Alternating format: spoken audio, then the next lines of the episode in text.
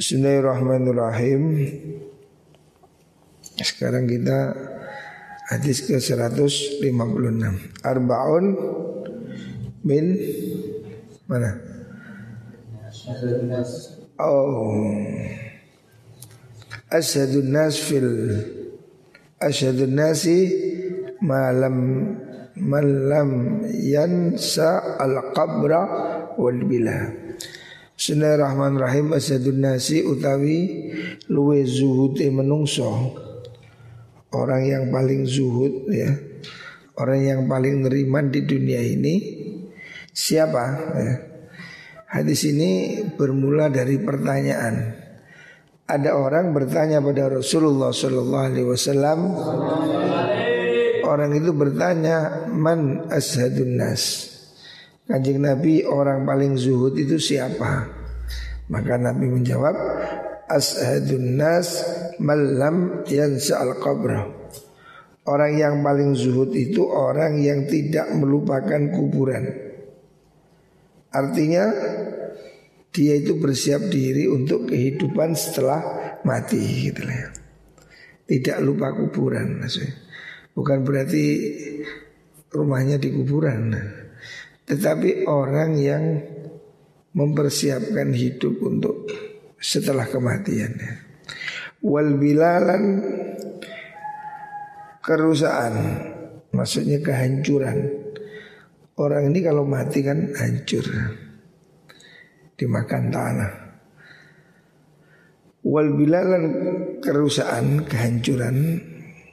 Wa tarakalan ninggal sopaman afdhala zinatil hayati dunya ing luwe utamane papae se urip ana dunya. Meninggalkan kemewahan kesenangan hidup di dunia. Wa athara lan luwih milihaken Maksudnya lebih mengutamakan mengutamakan ma ing perkara ya kang tetep apa ma? Sesuatu yang abadi artinya akhirat.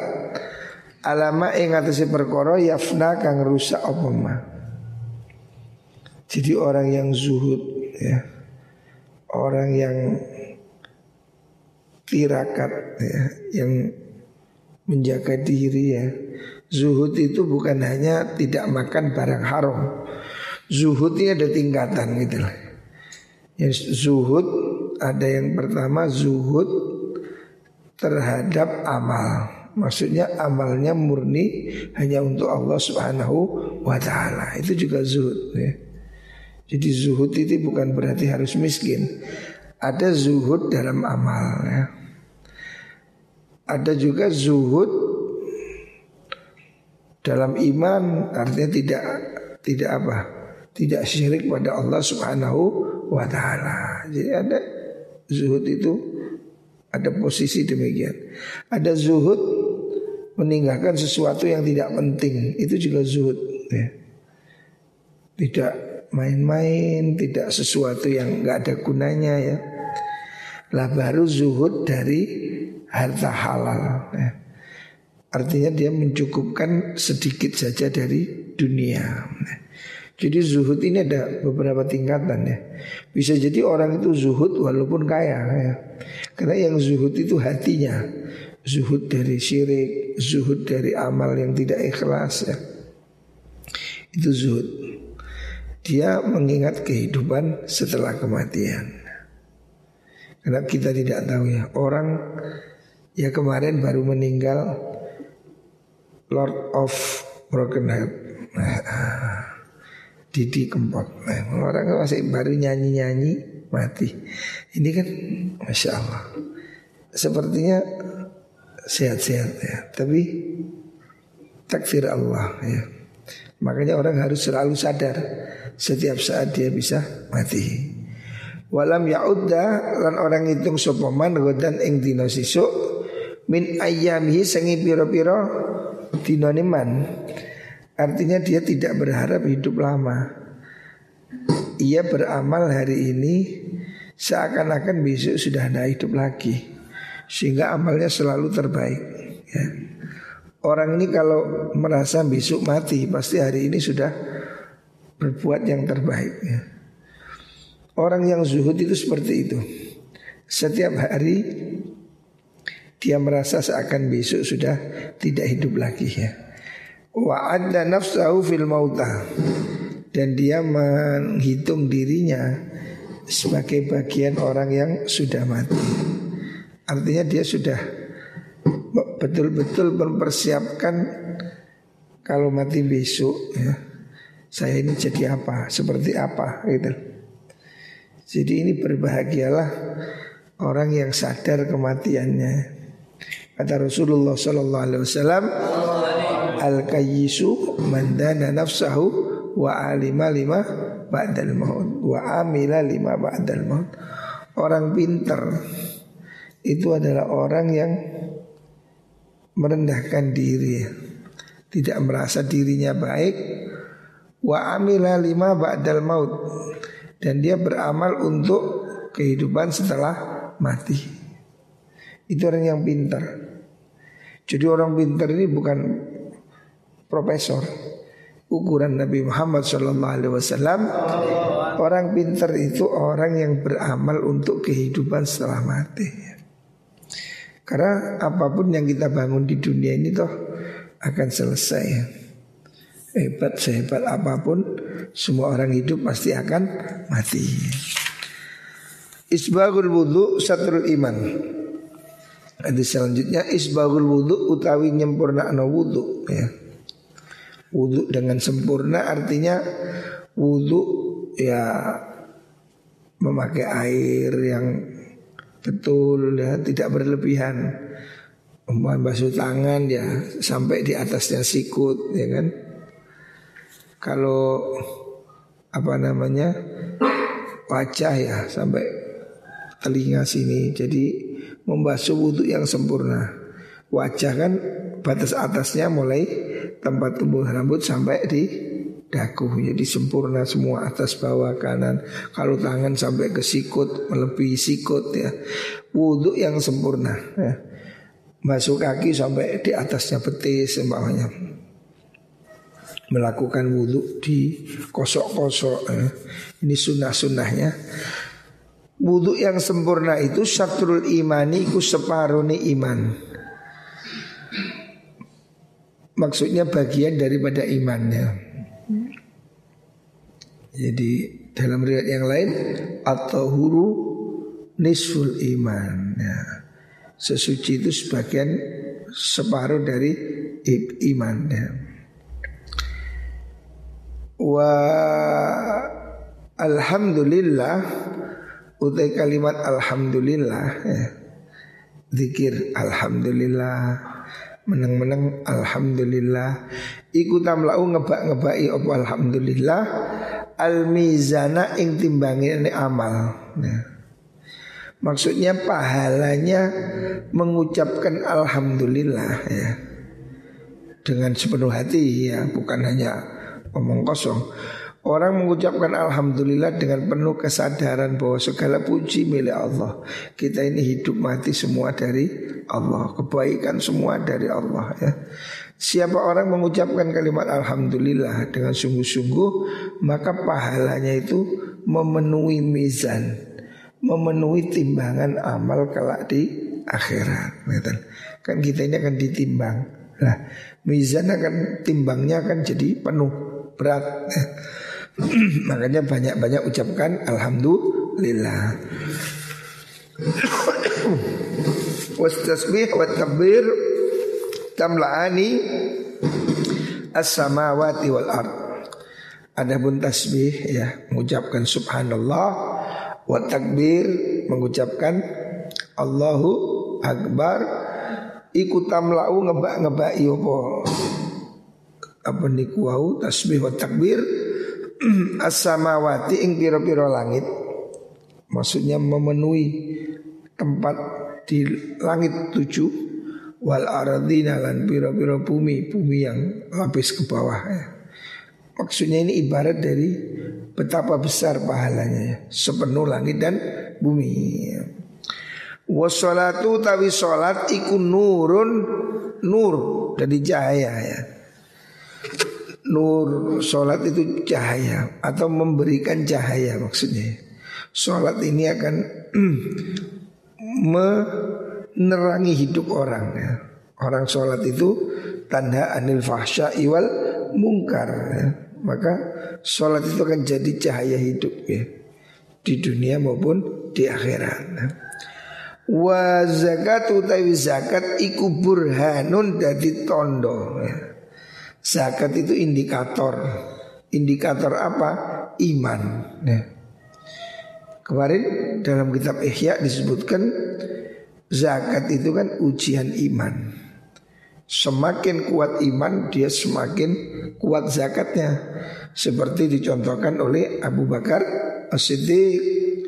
Abu Bakar ketika dipanggil Nabi untuk bersedekah Diserahkan seluruh hartanya Seluruhnya 100% Sementara Sayyidina Umar 50% Kita dua setengah persen. Jauh sekali Makanya zakat itu burhan Zakat itu tanda ya, indikasi. Semakin orang itu rajin zakat berarti indikasi imannya sangat kuat ya. Sebab zakat itu kan bentuk kecintaan orang pada Allah ya. Sehingga dia merelakan hartanya demi untuk dicintai Allah Subhanahu wa taala. Ini kan berat zakat ini melawan pelit, melawan nafsu ya. Makanya kata Rasulullah Sallallahu Alaihi Wasallam, zakat itu burhan, zakat itu petunjuk, dalil, indikator. Ya. Wasabru tai kesabaran, iku diyaun dadi lampu, maksudnya cahaya ya. Sabar itu cahaya. Artinya dalam kegelapan hidup ya. Orang ini sabar itu selalu membuat hidupnya terang. Hari ini musim pandemi banyak orang yang hidup gelap karena tidak sabar akhirnya semakin tinggi. Sedih. Hampir setiap hari di Facebook ada pencuri ditangkap, begal, maling. Karena? Dia tidak sabar. Sebetulnya kalau orang itu sabar pada posisi yang gelap, susah pun dia akan bertahan. Kita ini sak melarat-melarat deh. Masih jauh lebih berat yang dialami Rasulullah Shallallahu Alaihi Wasallam. Kanjeng Nabi aja sampai diriwayatkan dia Nabi itu mengganjel mulutnya dengan batu. Kita kan masih mengganjel dengan telur goreng. Nabi sampai batu diganjel perut sudah tidak lapar. Jadi kita ini kurang sabar. Makanya disebutkan wasobru liyaun. Sabar itu cahaya yang membuat orang selalu dapat taufik dalam petunjuk ya. Walaupun mungkin hidupnya berat ya. ya. Walladzi ja'ala lakum syamsa dhiya'an wal qamara nuran. Ya. Jadi sabar itu seperti matahari ya. Terang ya. Mencahayai Orang kalau kepingin hidupnya terang Jadi harus banyak bersabar ya.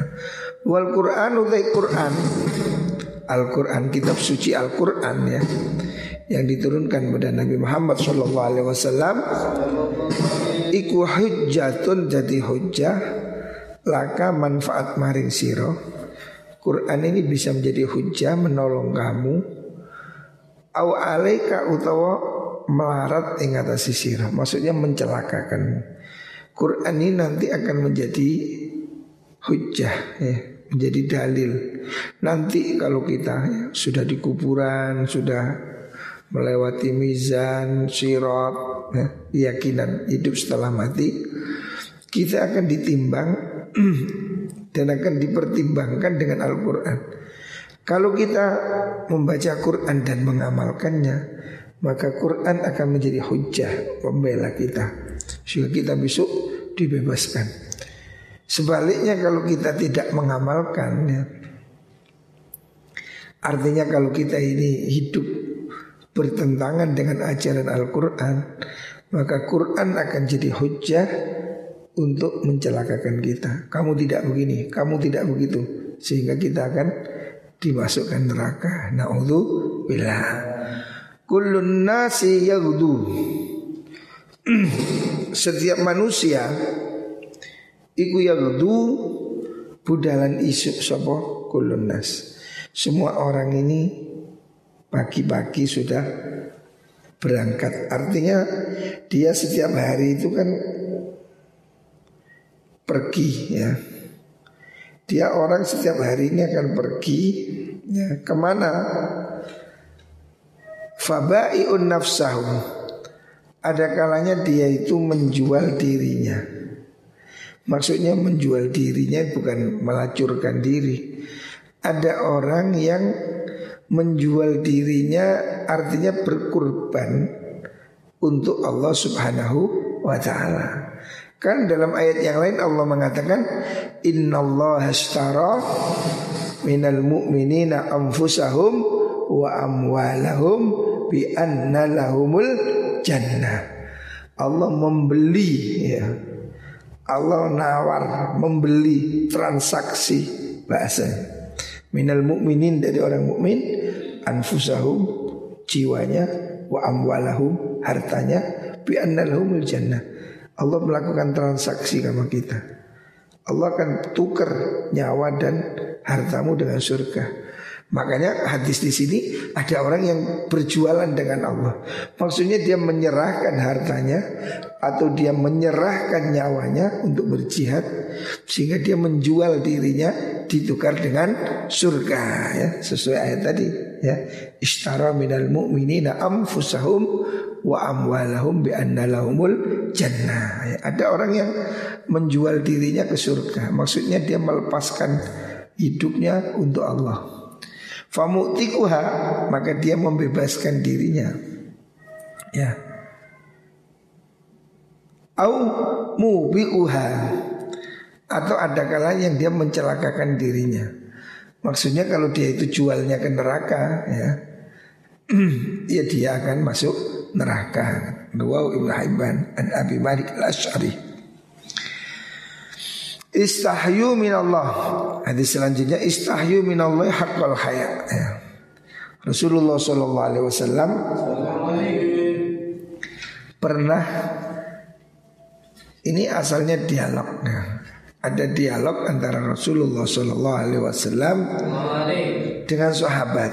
Nabi mengatakan hendaknya kamu malu kepada Allah. Ya, itu Terus sahabat mengatakan dosa sudah malu.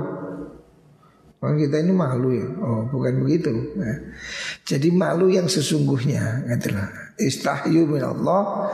Nabi menjawab istahyu isi nasiro kabe minal minallahi saking Gusti Allah hakul hayai kelawan sa temene izin ya. Kamu ini kalau malu malu yang benar gitu loh. Jadi ini hadis ini suatu saat Rasulullah Shallallahu Alaihi Wasallam itu mengatakan pada sahabat istahyu min Allah. Hendaknya kamu malu pada Allah ya. Kamu ini dilihat Allah. Kamu harus malu. Sahabat menjawab, Inna nastahi min Allah. Ya kita malu tau pada Allah. Kita sudah malu. Wahai Nabi Inna nastahi minallah ya Nabi Allah Alhamdulillah Alhamdulillah kita semua malu Nabi menjawab Laisa kadalik Bukan begitu yang dimaksud malu ya Malu bukan berarti menunduk tersipu-sipu Bukan begitu Tetapi yang dimaksud ya Malu yang benar ya Sesungguhnya istahyu minallahi haqqal haya. Kamu harus malu yang serius. Apa itu? Man istahya minallah. Siapa orang istahya iku izin sepaman siapa dia malu pada Allah minallah sing Allah hakul hayai kelawan sak bener izin siapa orang malunya itu total serius ya itu maksudnya apa? Fal yahfaz mongko becik ngrekso sapa wong. Ngrekso napa? Jagalah ar-ra'sa ing peninggal mata. Wa malan perkara. Wa akang madangi opo niku wau uh, arros Faliafat arrosa ing sirah ya Hendaknya dia menjaga kepala Wamalan berkoro wa akan ngadai opo arros Maksudnya orang itu kalau malu jaga kepala Kepala ini kan banyak unsur nah. Dan yang ada di kepala Orang itu kata Nabi kalau malu bener maka indikatornya dia menjaga kepalanya. Maksudnya kepalanya dijaga dari mana? Ya telinganya, ya mulutnya, ya matanya, ya hidungnya gitu loh ya. Jadi Nabi mengatakan malu yang sesungguhnya itu bukan kok hanya menunduk ya. Malu yang dimaksud Rasulullah Shallallahu Alaihi Wasallam itu malu ketika orang itu mau menjaga kepalanya ya. Jaga kepalamu ya faliyahfad ar-ra'sa wa mawa'ah. Hendaknya dia itu menjaga kepala dan sekitarnya. Maksudnya sekitar kepala itu ya apa yang di dalamnya. Mata, mulut, telinga, hidung hendaknya dijaga semua ya. Maksudnya dijaga dari maksiat ya, maksiat secara total. Wal yaghfat lan beji ngrekso wong albatna ing weteng jaga perut wa malan perkara hawa kang mengku apa albatnu jaga perut dan isinya ya. Maksudnya perut ini ya sekitar perut, bawahnya perut, isinya perut ya. Hendaknya kalau itu malu pada Allah makanmu yang halal ya. Jaga makananmu ya. Jangan makan yang tidak halal, malu ya. Wal yadhkuril mauta wal yadhkur lan becik ngili sapa wong al mauta ing mati wal bilalan tinane kerusakan. Kalau kamu malu pada Allah, maka hendaknya kamu selalu ingat kematian. Karena kematian ini pintu untuk bertemu Allah Subhanahu wa taala. Malu kalau kita ini bertemu Allah dalam kondisi yang jelek ya. Jadi orang malu ini banyak hal ya. Bukan hanya malu menutupi muka Tapi malu itu menjaga maksiatnya Kepala seluruhnya Perut seluruhnya ya Termasuk, termasuk ingat kematian Waman utai sapane wong iku arep dan ngarepaken supaman al akhirat ing akhirat. Siapa orang serius ya menghendaki kehidupan di akhirat Taruh kamu kau ninggal supaman Zinatul hayati dunya ing papae si urip ana nunjo Maksud siapa orang persiap untuk akhirat Dia harus mulai mengurangi kesenangan hidup di dunia. Faman utai sapane wong iku fa'ala nglakoni sapa man zalika ing mengkono kabeh niku wau arras wa ma wa'a faqad istahya monggo temen isin sapa wong minallahi saking Allah haqqal hayai kelawan sak bener-benere isin ya malu yang sungguh-sungguh ya malu yang benar ya. Itu bukan hanya malu terlihat orang, malu yang dimaksud Rasulullah Wasallam hendaknya malu dengan cara menjaga diri dari maksiat ya menjaga kepala ya mulai mata telinga hidung mulut menjaga perut makanan bawahnya perut juga termasuk sekitarnya itu kemaluan maksudnya dan mengingat kematian. Ini indikator bahwa orang itu betul-betul malu pada Gusti Allah ya. Takutlah pada Allah, malu ya. Rawahu Tirmidzi an Ibni Mas'ud. Istasfu ya, nggih. Istasfu podo amriyo tombo sira kabeh. Hendaknya kalian berobat istasfu meminta obat istasfu bima kalian berkoro hamidah kang muji sopo Allah. Allah Ta'ala bihi kalawan ma nafsahu ing zati Gusti Allah. Kamu hendaknya mencari pengobatan kepada Allah dengan sesuatu yang Allah memuji dirinya. Maksudnya dengan membaca alhamdulillah gitu loh. Pujian yang Allah lakukan ya. Qabla antahmadahu sadurunge yen to muji hu ing Allah ayyahmadahu apa khalquhu makhluki Allah.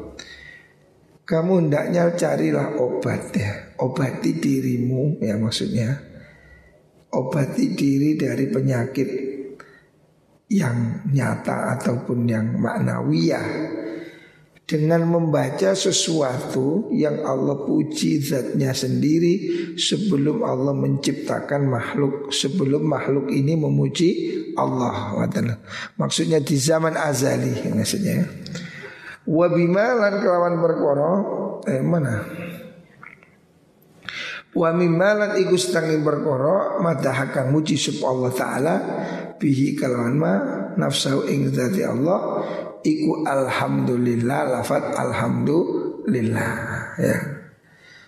Allah itu sudah mengatakan alhamdulillah sebelum kita mengucapkan alhamdulillah.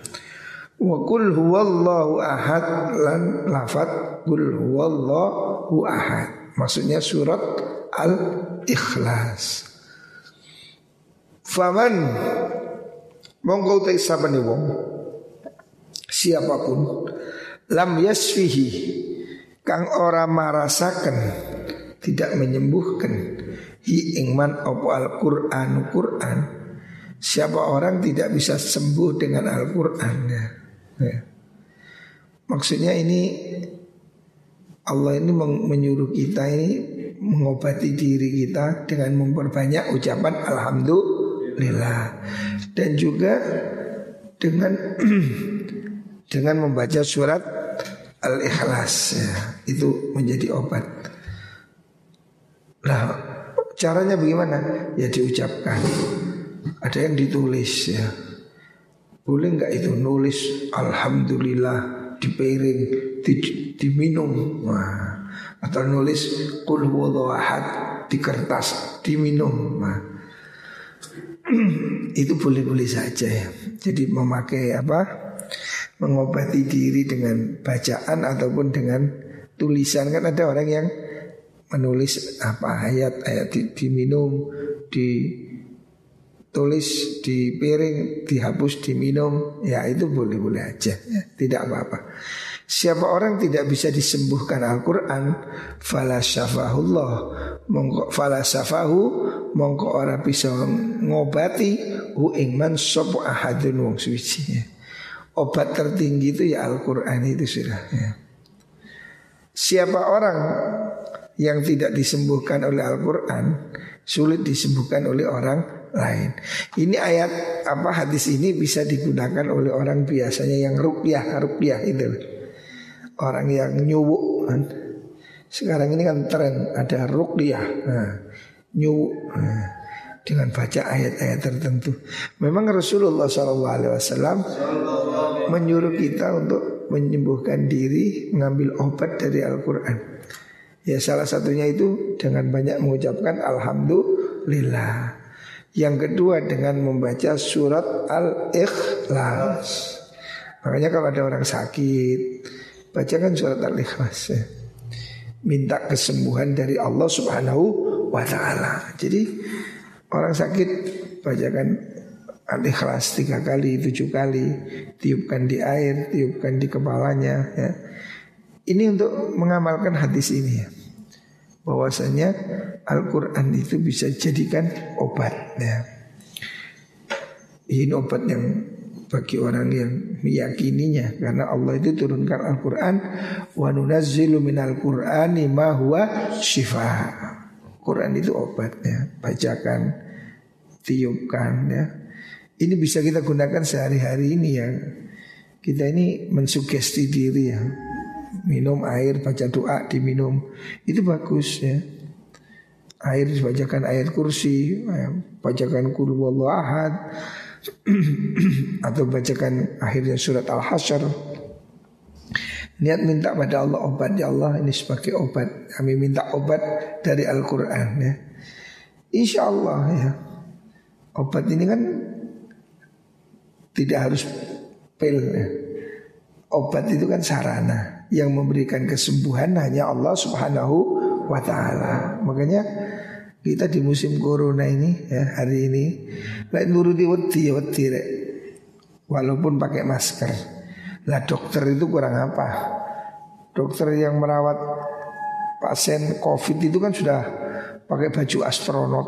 Nah, baju yang tidak tembus angin saja kayaknya nggak tembus. Nyatanya banyak yang masih jadi korban ya. Padahal dokter ini kan sudah lebih sadar keselamatan. Masih tembus. Kita tidak tahu. Makanya cara yang bisa kita lakukan adalah selalu mohon perlindungan pada Allah Subhanahu wa taala. Ya dengan baca ayat Quran, baca surat, baca Rotibul Haddad dan seterusnya. Minimal baca Bismillahilladzi la yadurru ma'asmi syai'un fil ardi wala fis sama wa huwas samiul alim. Baca tiga kali pagi sore dan dan yang lain-lain. Intinya Allah lah yang bisa mengobati ya.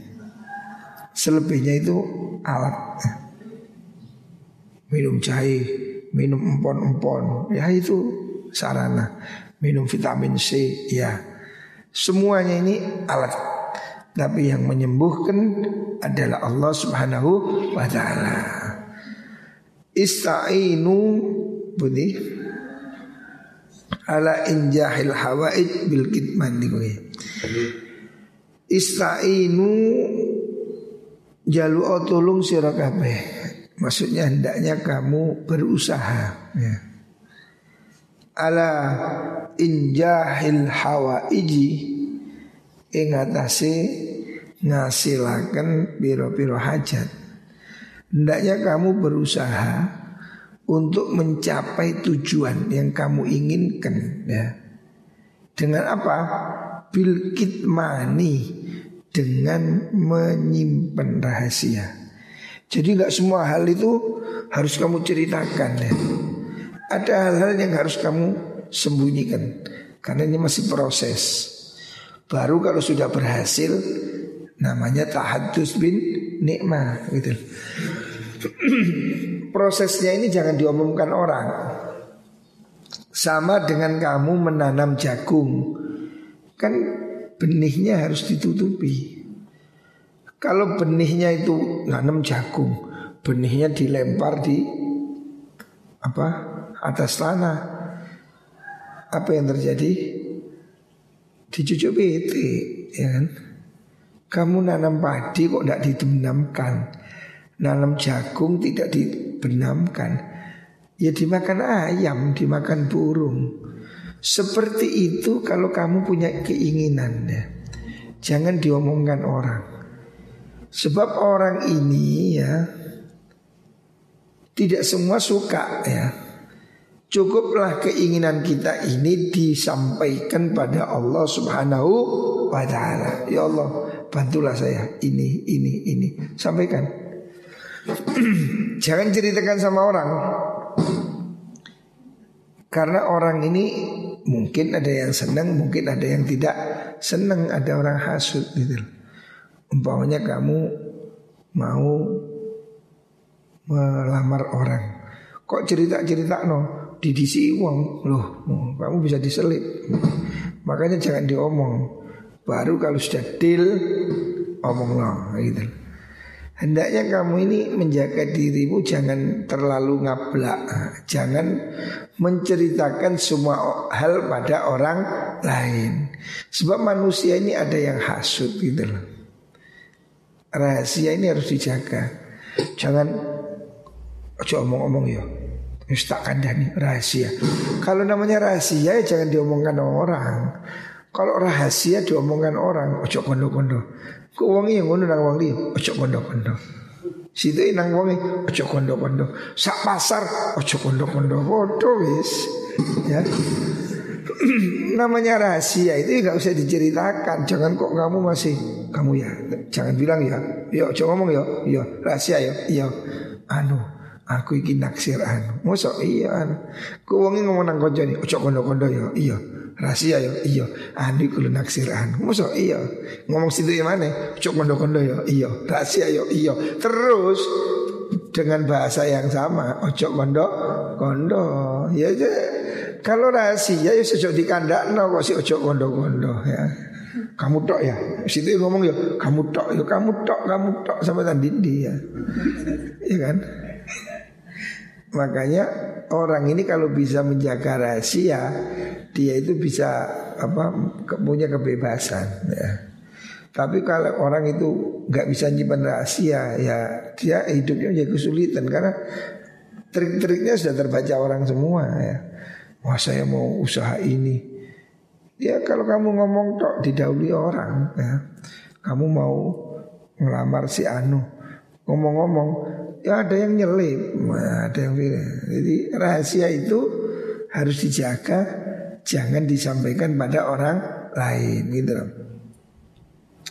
Kalau kamu sampaikan sesuatu apalagi pada perempuan dek, gak iso dek. Wong wedok nyimpan rahasia gak iso. Wis nemen gak iso nih. Lah kon cerita nang wong wedok, waduh sak teko pasar itu mesti. Ya itu yang terjadi ketika Nabi Yusuf itu. Nabi Yusuf itu kan ngimpi melihat apa? Bintang dan bulan bersujud kan? Ini roa itu ahada asyara kaukaban wasyamsa wal qamar ra'aituhum li sajidin.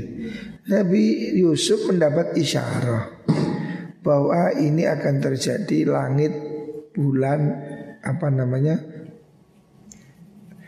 bintang-bintang bersujud pada dia sebelas bintang dia menceritakan pada bapaknya bapaknya kan tidak mungkin cerita-cerita makanya bapaknya mengatakan Qala ya la taksus ru'ya ka'ala ikhwatik. Nabi Yakub sudah mengatakan kamu jangan ceritakan mimpimu pada saudaramu. Ya. Nabi Yusuf sudah diajari oleh bapaknya, jangan kamu cerita. Ini mimpi ini rahasia. Karena apa? Sebelas bintang itu kan isyarah semua saudaranya sebelas itu akan tunduk kepada dia. Sehingga ini menunjukkan Nabi Yusuf akan jadi istimewa mengalahkan saudaranya. Nabi Yakub sudah antisipasi itu, jangan cerita. Lo sayangnya waktu cerita ini pembantunya dengar. Nah, gitu, urusan ruwet gara-gara wong wedok. Nah, jadi kamu jangan percaya rahasia pada perempuan di ablak itu. Sulit ini sudah sulit perempuan jaga rahasia itu sulit ya. Karena ya lambe ini luruh ya, ya mesti lambe situ lah kayak semuni ya. Maksud dia itu pasti cerita. Ini bocor gitu loh. Nabi Yusuf sebetulnya hanya cerita sama bapaknya ya. Ya, dia hanya mengatakan ya abadi ini itu ahada asyara kaukaban wasyamsa wal qamar raaituhum li sajidi. Dia ngomongnya hanya kepada bapaknya, nggak ngomong sama yang lain. Eh, waktu ngomong ini ada pembantunya perempuan denger. Makanya pembantu itu bahaya. Ada pengablaannya ini, loh pengablaannya rahasia ini banyak bocor karena perempuan. Lah pembantunya ini cerita pada saudara-saudaranya. Eh tahu nggak kamu Yusuf mimpi begini-begini. Timbullah kecemburuan. Mereka kemudian merasa Yusuf diperlakukan spesial oleh bapak. Maka ini Yusuf harus disingkirkan. Nah Akhirnya sebelas orang saudaranya ini berkong kali kong apa? Berkonspirasi untuk melenyapkan Nabi Yusuf. Nah, Gara-garanya apa? Ya gara-gara ada cerita tadi itu. Sebelumnya Nabi Yusuf sudah cerita itu rahasia. Hanya ngomong itu kala Yusuf abihi ya abad. Dia hanya ngomong pada bapaknya padahal sudah benar ngomong pada orang tua pada guru ini boleh karena ini kan musyawarah. Tetapi sayang seribu sayang omongannya ini terdengar oleh perempuan. Nah ini sing gare ruwet. Dunia ini rotok repot ini. Wong lanang gak cerita iso, meneng iso. Wong wedok buka iso. Man, waduh, ini wah, ngono. Jadi semangat gosipnya ini tinggi. Itulah yang membuat Nabi Yusuf akhirnya dicelakakan oleh saudaranya. Gara-gara apa? Pembocoran itu. Makanya kalau kamu punya rahasia, sosok cerita no, masih dan bujumu sosok cerita semenengoi. Tak sendiri. Rahasia. Kok ngomong bujumu ya Pemane pacarmu ada alamat nih ambiar. Nah, jadi fa inna kulli dhi nikmatin mahsud fa inna kulli dhi nikmatin seduni saben-saben wong kang duweni nikmat iku mahsudun kang den hasuti. Inilah masalahnya. Jangan ceritakan semua hal pada orang lain karena orang yang punya kenikmatan itu selalu jadi sasaran hasut. Karena di sekitar kita ini banyak orang yang hasut ya. Ini masalahnya. Orang iri itu jadi penyakit di sekitar kita ini. Tidak semua orang berpikiran positif. Tidak semua orang di sekitar kita ini baik ya. Tidak semua orang ini malaikat tetapi juga tidak semuanya setan ya. ya pasti ya, ada yang baik ada yang buruk. Makanya kalau kamu punya rencana baik jangan diobrolkan. Coba kamu musyawarah pada orang penting aja yang yang memang betul-betul mengerti apa masalahnya gitu. Jangan semua orang diomongi ya. Sebab apa? Sebab ada jadi orang yang hasud. Fa inna kulli ni'matin mahsud. Semua orang yang punya nikmat itu pasti ada yang menghasuti. Pasti ada yang tidak menyukai ya. Makanya kalau mau cerita nanti kalau sukses Tidak apa-apa Itu ada perintah Allah Fa amma bini amati rabbika fahadis. Loh, lah kok disuruh cerita? Cerita kalau sudah selesai, sudah berhasil, kamu cerita success story-nya. Nggak apa-apa. Setelah berhasil baru kamu ngomong, kamu kok bisa begini? Oh iya, saya dulu begini, begitu, begini. Cerita setelah sukses itu nggak apa-apa untuk menjadi inspirasi. Oh bagaimana sih dulu kamu memulai hidup? Nah, saya ini menikah dulu tidak punya apa-apa Oh mulai berusaha begini, bekerja begini dan seterusnya. Tidak apa-apa ya. Untuk menceritakan Lika-liku perjalanan Atau menceritakan kesuksesan itu boleh. Yang tidak boleh itu Yang Nabi mengatakan jangan dilakukan itu Kalau masih rencana rencanamu jangan dibocorkan pada orang lain.